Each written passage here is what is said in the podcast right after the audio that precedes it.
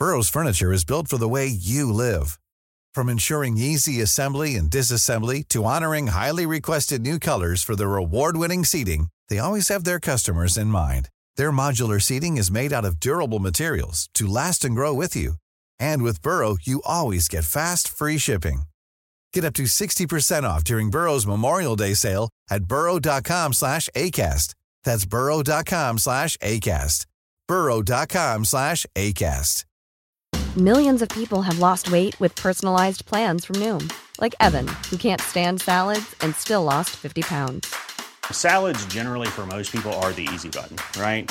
For me, that wasn't an option. I never really was a salad guy. That's just not who I am. But Noom worked for me. Get your personalized plan today at Noom.com. Real Noom user compensated to provide their story. In four weeks, the typical Noom user can expect to lose one to two pounds per week. Individual results may vary. Everyone knows therapy is great for solving problems, but getting therapy has its own problems too, like finding the right therapist, fitting into their schedule, and of course, the cost. Well, BetterHelp can solve those problems. It's totally online and built around your schedule. It's surprisingly affordable too. Connect with a credentialed therapist by phone, video, or online chat, all from the comfort of your home. Visit betterhelp.com to learn more and save 10% on your first month. That's BetterHelp H E L P.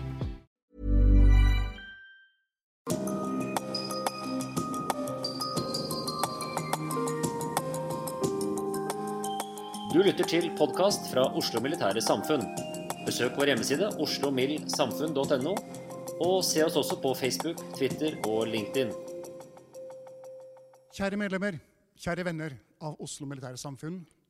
Hjertelig velkommen til nok et filmet foredrag fra Myntgata 3, Store festsal, hvor jeg, foredragsholder og tekniker befinner oss. Sist mandag så la sjefene for de tre etterretnings- og sikkerhetstjenestene i Norge frem sine ugraderte sikkerhetsvurderinger, trusselvurderinger for oss. Sjefen for E-tjenestens foredrag fikk vi se mandag den 8., altså for en uke siden. Forut for at vi la ut det foredraget, så registrerte vi stor aktivitet på våre hjemmeside, på vår Facebook-side, av eh, aktører som koordinert og samlet la ut forsøk på å lenke oss videre til nettsteder som ikke hadde noe med Oslo Militære Samfunn å gjøre. Tydeligvis var det et budskap, tydeligvis var det noe vi bidro til å få bekjentgjort for eh, det norske folk, som falt noen som ikke vil Norge godt, ondt for hjertet. Dette ble avverget, og alle som ville se sjefen for E-tjenestens foredrag, fikk sett det, og du kan fremdeles se det. Det ligger på våre hjemmesider. Det er godt å være formann for en eh, institusjon som hvis talestol og hvis plass i befolkningen og forsvarsdebatt eh, anses å være en trussel mot denne type makter. Så også i dag er det sjefen for Politiets sikkerhetstjeneste, Hans Sverre Sjøvold, som vil redegjøre om eh, trusselbildet mot Norge sett fra PST sitt ståsted. Vi er veldig glade for å ønske Hans Sverre Sjøvold tilbake til vår talestol her i Militære Samfunn. Sjef PST, Sjøvold, talestolen er din. Takk for uh, hyggelig uh, introduksjon. Og først og fremst også takk for anledning til å komme tilbake hit til uh, Oslo Militære Samfunn og gi en oppdatert redegjørelse for hva PST vurderer som de viktigste utviklingstrekkene i trusselbildet i dette året. Mye har skjedd siden jeg sto her i februar i 2020. Da var uh, verken pandemi eller covid noe tema for oppmerksomheten. I dag er det vanskelig å tenke seg en hverdag uten. Dette sier oss at verden endres raskt, og av og til uh, på måter som vi best kan beskrive i etterkant. Derfor er det en krevende øvelse å legge fram en vurdering av forventet utvikling i trusselbildet. Når vi likevel gjør dette, så er det ut fra en erkjennelse av at slik offentlig formidling er en viktig del av vårt sikkerhetsarbeid. Før jeg går inn i beskrivelsene av trusselbildet, vil jeg dvele litt ved akkurat dette med formidling. Formidling er, eh, som mange av dere vet, en nøkkeloppgave for enhver etterretningstjeneste. For PST handler dette om at vurderingene vi utarbeider, de må omsettes i tiltak, politikk og beredskap. Om vi ikke lykkes med dette, får vår innhenting av eh, informasjon, av etterretning, bare en begrenset verdi. Forventningene til vår evne til å formidle etterretning har endret seg de siste årene. For ikke mange år siden handlet formidling først og fremst om å utarbeide grunnlag for operative tiltak og høyt graderte innspill til sentrale beslutningstakere. Som en av Norges hemmelige tjenester skulle vi verken ha en rolle i offentligheten eller gi en offentlig forståelse av Norges sikkerhetsutfordringer. I dag erfarer jeg hvordan dette er nesten snudd på hodet. Som landets nasjonale sikkerhets- og etterretningstjeneste er vi gitt en rekke utfordrende oppgaver knyttet til eh, spionasje, sabotasje, spredning av eh, masseødeleggelsesvåpen, terror og ekstremisme. Vi har også kraftfulle og tilpassede virkemidler, slik at vi kan identifisere, forebygge og motvirke trusler mot Norge og norske interesser.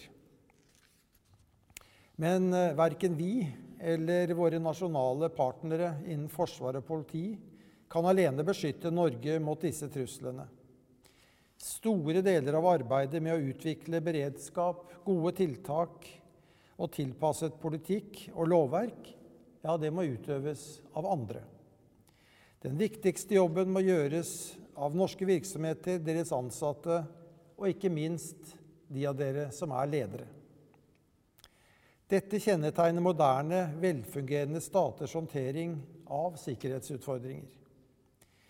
Vår nasjons evne til å håndtere dagens trusselbilde krever nasjonal motstandsdyktighet slik motstandsdyktighet forutsetter bred kunnskap, kompetanse og opplyst debatt rundt hva de sentrale truslene i samfunnet er.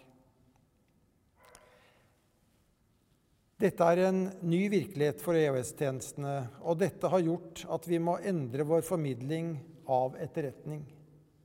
Vår formidling til offentligheten er ikke lenger en tilleggsoppgave, men det er en kjerneoppgave.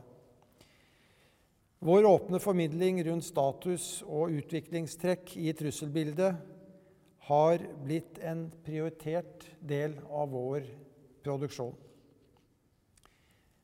Den er vårt bidrag til den nasjonale motstandsdyktigheten som vi er avhengig av.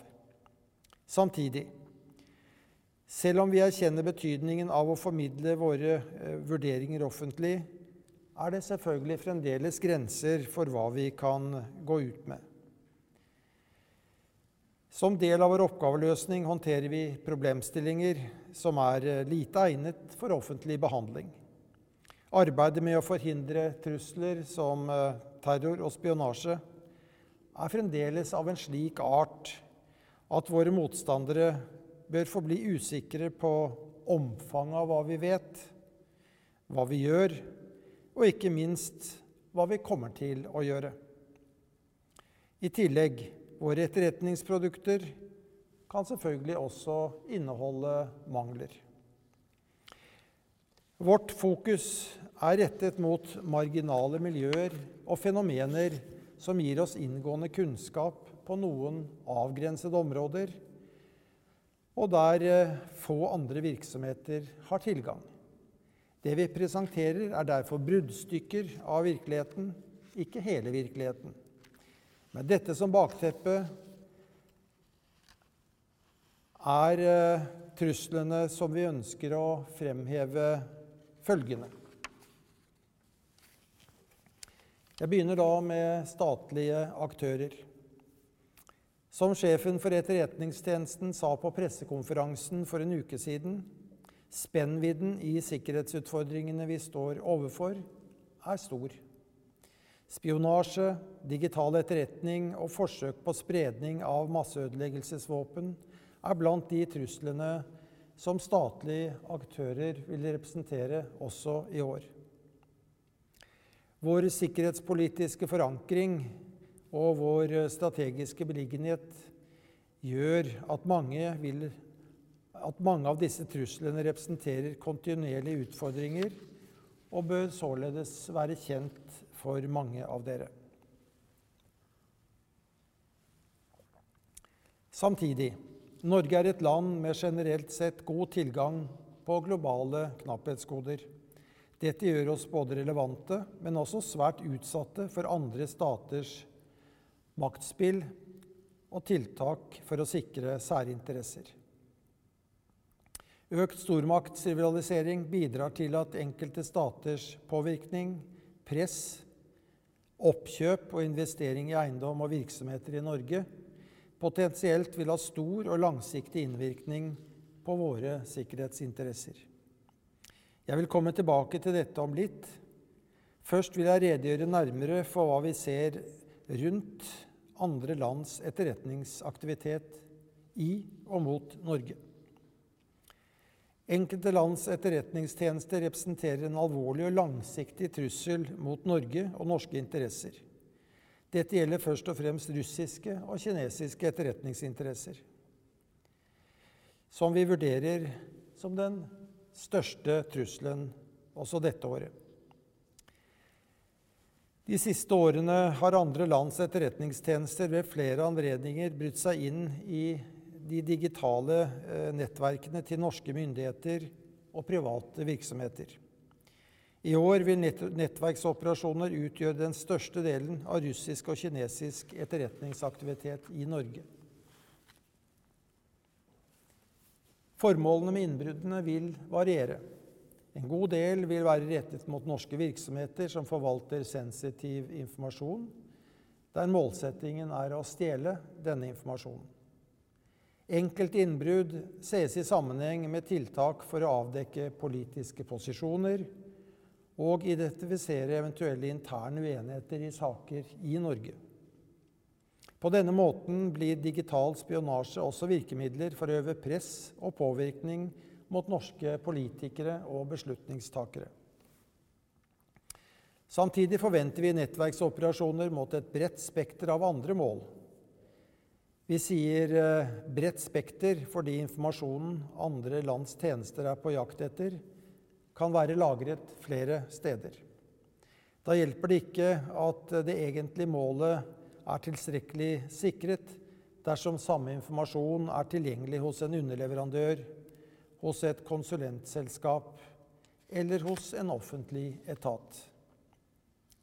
Vi forventer at den vanligste angrepsmetoden vil være bruk av e-post, enten med et skadelig vedlegg eller med en lenke som peker til en skadelig nettside. De siste årene har vi også sett hvordan trusselaktører utnytter svake passord og manglende tofaktorautentisering, og på den måte relativt uanstrengt får urettmessig tilgang til eh, datasystemer. I tillegg forventer vi at etterretningstjenester vil utnytte reduserte digitale sikkerhetsmekanismer i hjemmekontorløsninger. Slike løsninger øker sannsynligheten for at nettverksoperasjoner vil lykkes. Og det gjelder jo spesielt covid-situasjonen nå om dagen. Sist sommer arresterte PST en norsk borger som over tid pleiet kontakt med en russisk etterretningsoffiser i Oslo. Saken er foreløpig ikke ført for retten, men den illustrerer eh, godt hvordan russiske tjenester utnytter sine kontakter i Norge. Antallet russiske etterretningsoffiserer i Norge har vært stabilt høyt i mange år. Hovedoppgaven til disse vil fremdeles være å pleie forholdet til potensielle kilder og kontakter og forsøke å utvide sine nettverk rundt norske politikere, byråkrater, forskere og øvrige, øvrige premissleverandører for norsk politikk. Virksomheten de driver, er uønsket og skader Norge. Etterretningsoffiserene har imidlertid diplomatisk immunitet og kan da ikke straffeforfølges av norske myndigheter.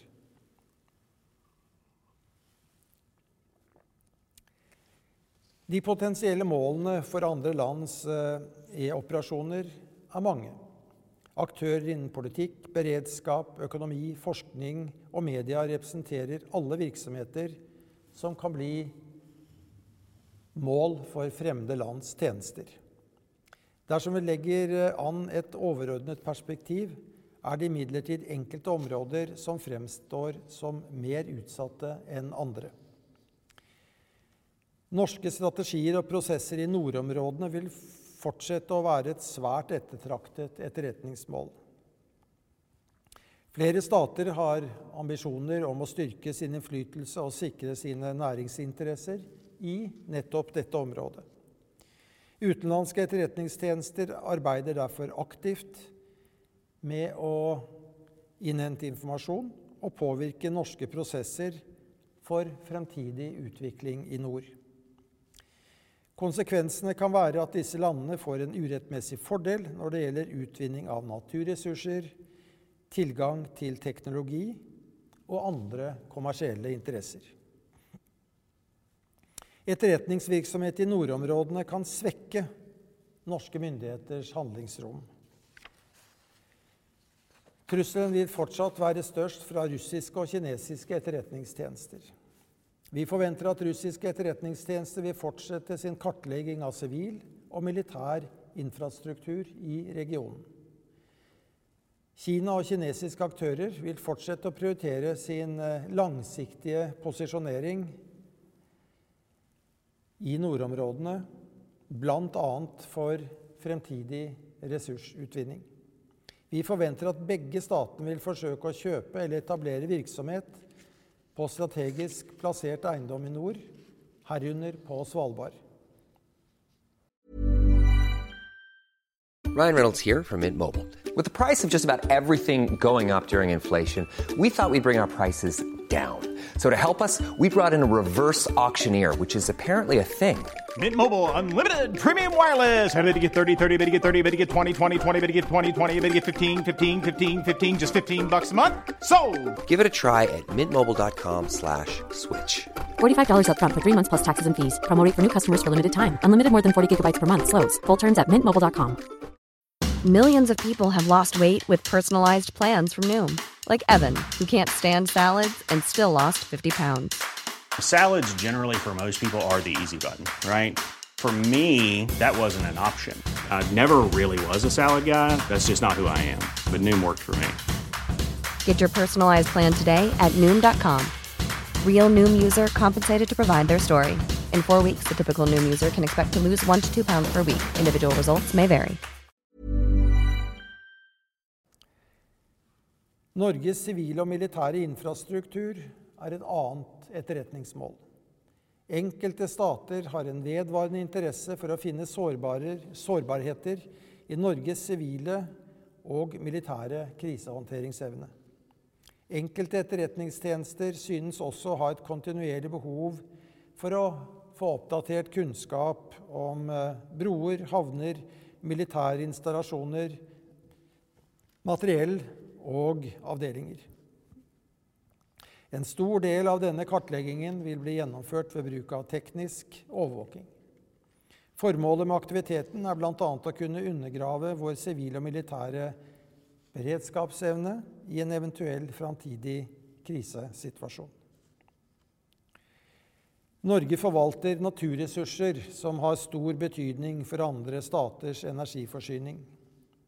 Land som konkurrerer med Norge om å levere energi til Europa, kan naturlig nok være interessert i vår eh, kraft- og petroleumssektor. I Norge har vi også uutnyttede ressurser som er viktige for utviklingen av militær teknologi. Flere stater forsøker å skaffe teknologi eller kunnskap i Norge som de, ifølge norsk eksportkontrollregelverk og vestlige sanksjonsregimer ikke har lov å skaffe seg. Norske bedrifter, forskningsinstitusjoner og forskere forvalter kunnskap og utstyr som andre stater forsøker å stjele. I 2021 vil flere stater forsøke å utnytte norske forskningsinstitusjoner gjennom ulovlig kunnskapsoverføring. Russland, Kina, Iran og Pakistan vil her utgjøre den største trusselen. Skadepotensialet ved ulovlig kunnskapsoverføring er betydelig. En konsekvens er at eh, bedriften på sikt taper penger, eller at et universitet får redusert sitt omdømme. En større konsekvens kan være at eh, land vi ikke har et sikkerhetspolitisk samarbeid med, lykkes med å utvikle avansert militære, avanserte militære våpensystemer. Det er naturlig nok alvorlig, spesielt i en tid med økende stormaktsrivalisering og svekket internasjonal rustningskontroll. Mye av etterretningsaktiviteten som rammer Norge, den foregår fordekt, uten at de som rammes, oppdager det. Dette gjelder imidlertid ikke for flyktninger og opposisjonelle som utsetter for spionasje og andre tiltak fra hjemlige etterretningstjenester. I fjor ble en norsk iraner dømt til syv års fengsel for å ha deltatt i planlegging av drap på en eh, iransk opposisjonell i Danmark. Som følge av saken avdekket vi en eh, støttestruktur for overvåkning av det iranske miljøet her i landet. Og den oppdagelsen bidro til at en iransk borger ble utvist fra Norge. Flere lands myndigheter har vist at de er villige til å gå langt i å undergrave eller eliminere politisk opposisjon.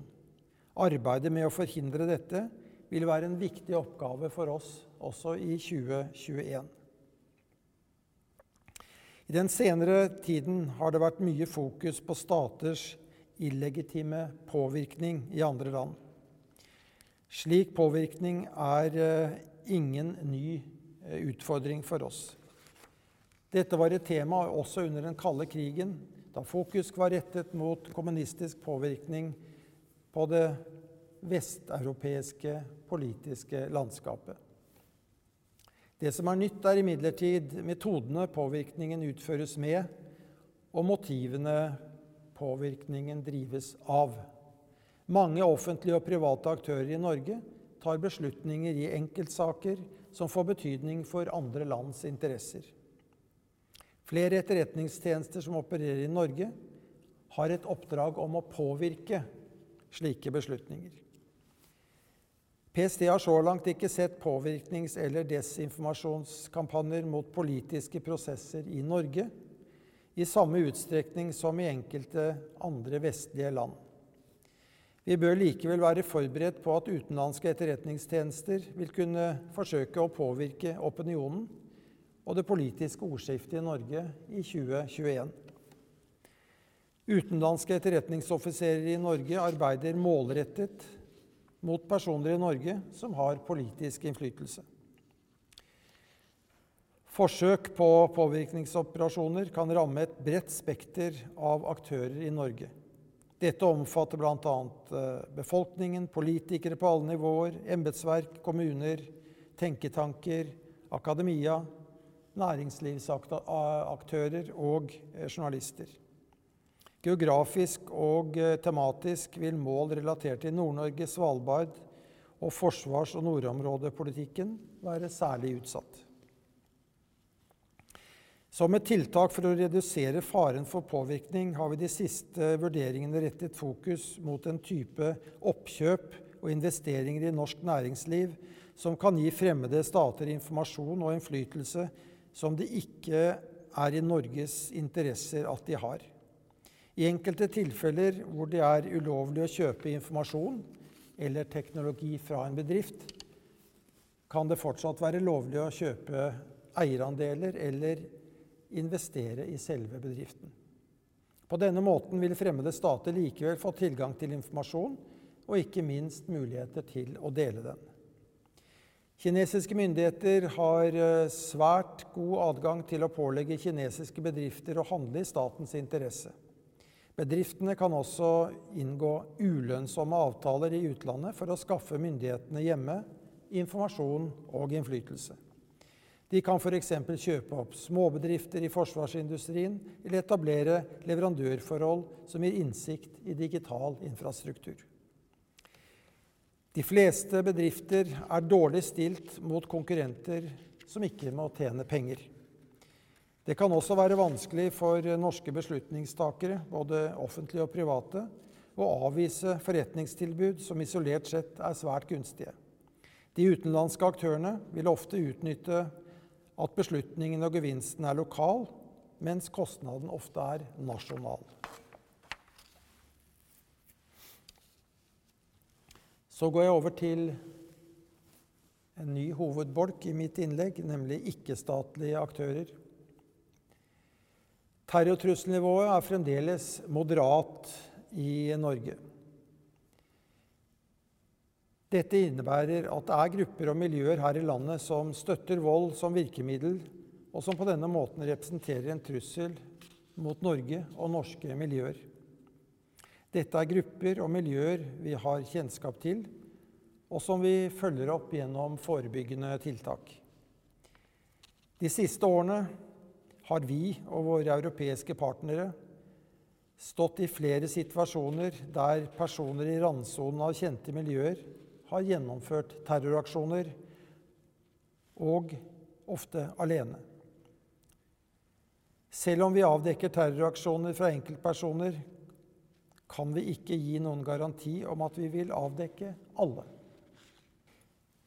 Det at det innenfor både høyreekstreme og ekstreme islamistiske miljøer er fokus på nettopp enkle aksjoner utført av én eller to personer, gjør at vi sammen med våre europeiske partnere fremhever nettopp denne trusselen i 2021. Jeg vil særlig fremheve tre hovedutfordringer i eh, terrortrusselbildet i 2021. Skjerpet trussel fra ekstreme islamister er en av de. I fjor, i oktober, skjerpet vi vurderingen av trusselen fra nettopp denne gruppen ekstreme islamister. Bakgrunnen var en økt spenning som følge av handlinger som mange oppfattet som krenkelser av islam. Slik aktivitet kan radikalisere personer og miljøer samt inspirere til terror. Norge har i utgangspunktet en perifer plass i fiendebildet til terrororganisasjoner som ISIL og Al Qaida. Norske mål og interesser er imidlertid sentrale i fiendebildet blant de ekstreme islamistene som befinner seg i landet. Gjennom både tradisjonelle og sosiale medier vil eh, hendelser som oppleves som krenkende for muslimer, kunne spres raskt til et stort publikum.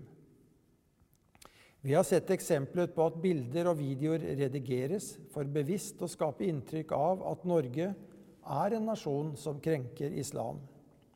Slike falske fremstillinger kan bidra til at Norge får en mer fremtredende plass i fiendebildet til ekstreme islamister, også utenfor Norge.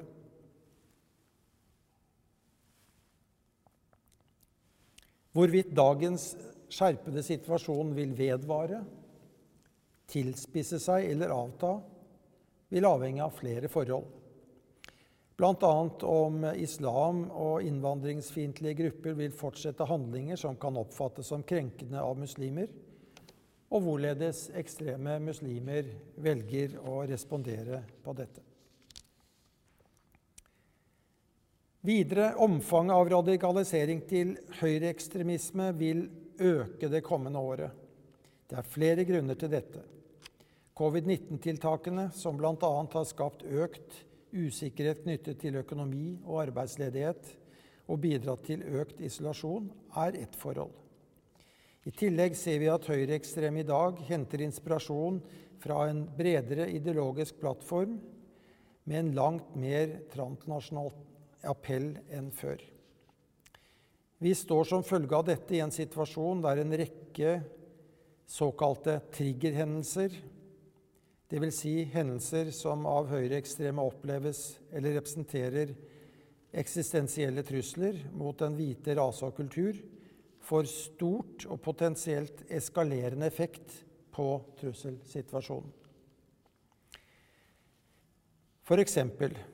da situasjonen rundt migrasjon i Europa, eller til Europa tilspisset seg i februar i fjor, så vi hvilket potensial denne saken har til å eskalere trusselen fra høyreekstreme. Utviklingen i fjor ble bremset bl.a. Eh, av nedstengningen av Europa. Når situasjonen etter pandemien etter hvert normaliseres, vil hendelser rundt migrasjon, innvandring og islam på nytt få økt aktualitet og en økt innvirkning på terrortrusselen i europeiske land. Det vil også gjelde Norge.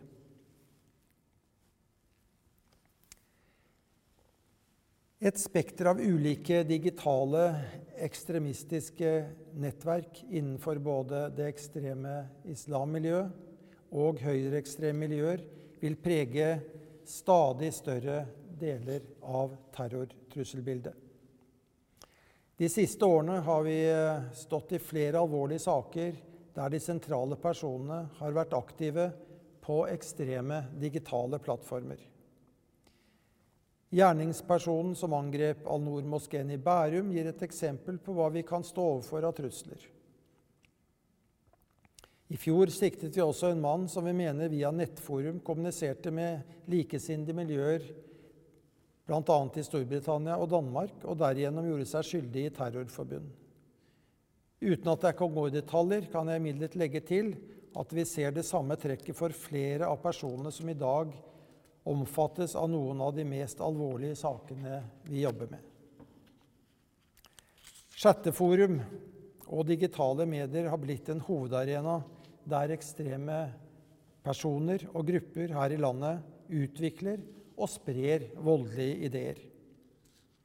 Deltakerne er ofte unge personer som ikke nødvendigvis er ekstremister i utgangspunktet, men som ved å ta del i aktiviteten i disse nettverkene ender opp som radikaliserte pådrivere for ekstrem vold og ekstrem ideologi.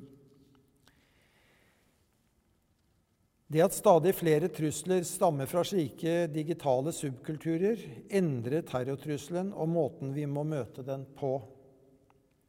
Det gikk f.eks. kun noen få dager fra at uh, aksjonisten mot Al-Noor-moskeen bestemte seg for å aksjonere, til han gjennomførte aksjonen. I tillegg gir de ekstreme digitale subkulturene et godt dekke for personer med voldelige intensjoner som ønsker å gjemme seg for myndighetene. Mye av kommunikasjonen i nettverkene er kryptert, og uttalelsene fremmes med stor grad av anonymitet. Propagandaen vever sammen høyreekstrem og høyreradikal ideologi og kombinerer denne med voldsretorikk, humor, klipp fra spill og filmer samt konspirasjonsteorier. Det er fra slike nettverk vi har sett flere høyreekstreme terrorister har kommet fra de siste årene. Og det er en betydelig fare for at kommende terrorister også vil ha en forankring i slike nettverk og subkulturer.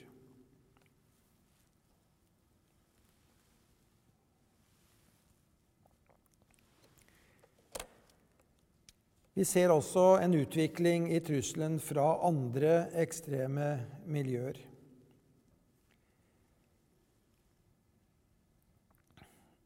De venstreekstreme miljøene i Norge vil i 2021 bestå av et fåtall ekstreme grupper. Miljøene har få aktive tilhengere, og det forventes ikke at disse vil vokse betydelig i 2021. De siste årene har det vokst fram strømninger som er ideologisk forankret i antistatlige og konspirasjonspregede teorier. Slike grupper er i vekst i flere europeiske land, og det er også slike strømninger i Norge. Fremveksten av, eh, har sammenheng med flere forhold. Konspirasjonsteorier har ofte en tendens til å få flere tilhengere i vanskelige tider, preget av kriser og usikkerhet. En fellesnevner i dette mangfoldige ideologiske landskapet er tanken om at statsmakten er illegitim, Statens lover og regler oppfattes å krenke den enkelte borgers frihet og suverenitet. Slike ideer fremmes i stor grad på digitale plattformer. Antistatlige strømninger vurderes å ha et potensial for å radikalisere enkeltpersoner i Norge i 2021. Særlig covid-19-tiltak kan ha en forsterkende effekt på disse strømningene. Det neste jeg vil si noe om, det er stortingsvalget og trusselen mot politikere og myndighetspersoner. Trusselen mot myndighetspersoner har de siste årene vært stabilt. Det forventes imidlertid en økning av antall trusler i 2021. Det knyttes særlig til uenighet med myndighetenes håndtering av covid-19, en forventet økning i antall eh, radikaliserte høyreekstremister og en økt eksponering av saker og politikere i forbindelse med valgkampen inn mot stortingsvalget i 2021.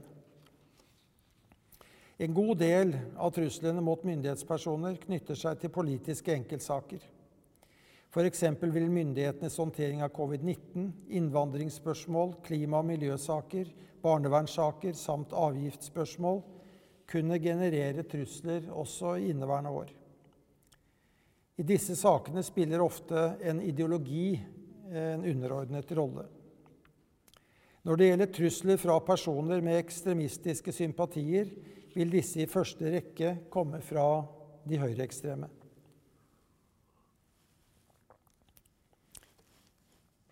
Det er svært uheldig at myndighetspersoner og politikere blir utsatt for trusler, ondsinnet sjikane og personlig uthenging av ulike trusselaktører. Vi tar disse utfordringene svært alvorlig, noe vi gjør i et nært samarbeid med politi og påtalemyndighet. I ytterste konsekvens kan vi komme i en situasjon der flere avstår fra å stille til valg. De kan slutte i politikken eller bli påvirket til å fatte beslutninger de ellers ikke ville tatt. Dette representerer en stor potensiell trussel mot både enkeltpersoner, men også vårt demokratiske system. Og så går jeg inn for landing. Jeg innledet orienteringen med noen betraktninger rundt det å formidle våre vurderinger til norsk offentlighet, og hvor viktig dette er for å skape et samfunn som er motstandsdyktig mot dagens trusler. I vår formidling legger vi stor vekt på å beskrive trusler, farer og negative forhold. Dette må imidlertid ikke få overskygge det at Norge er et land med få interne spenninger, lavt konfliktnivå og stor grad av tillit mellom myndigheter og befolkning. Vi lever i en tid preget av usikkerhet der økt stormaktsrivalisering gjør hverdagen usikker for små land som Norge. Og I denne situasjonen er nettopp det at vi har stor grad av tillit til hverandre, noe som gjør oss godt rustet til å møte morgendagens trusselbilde. Takk for oppmerksomheten.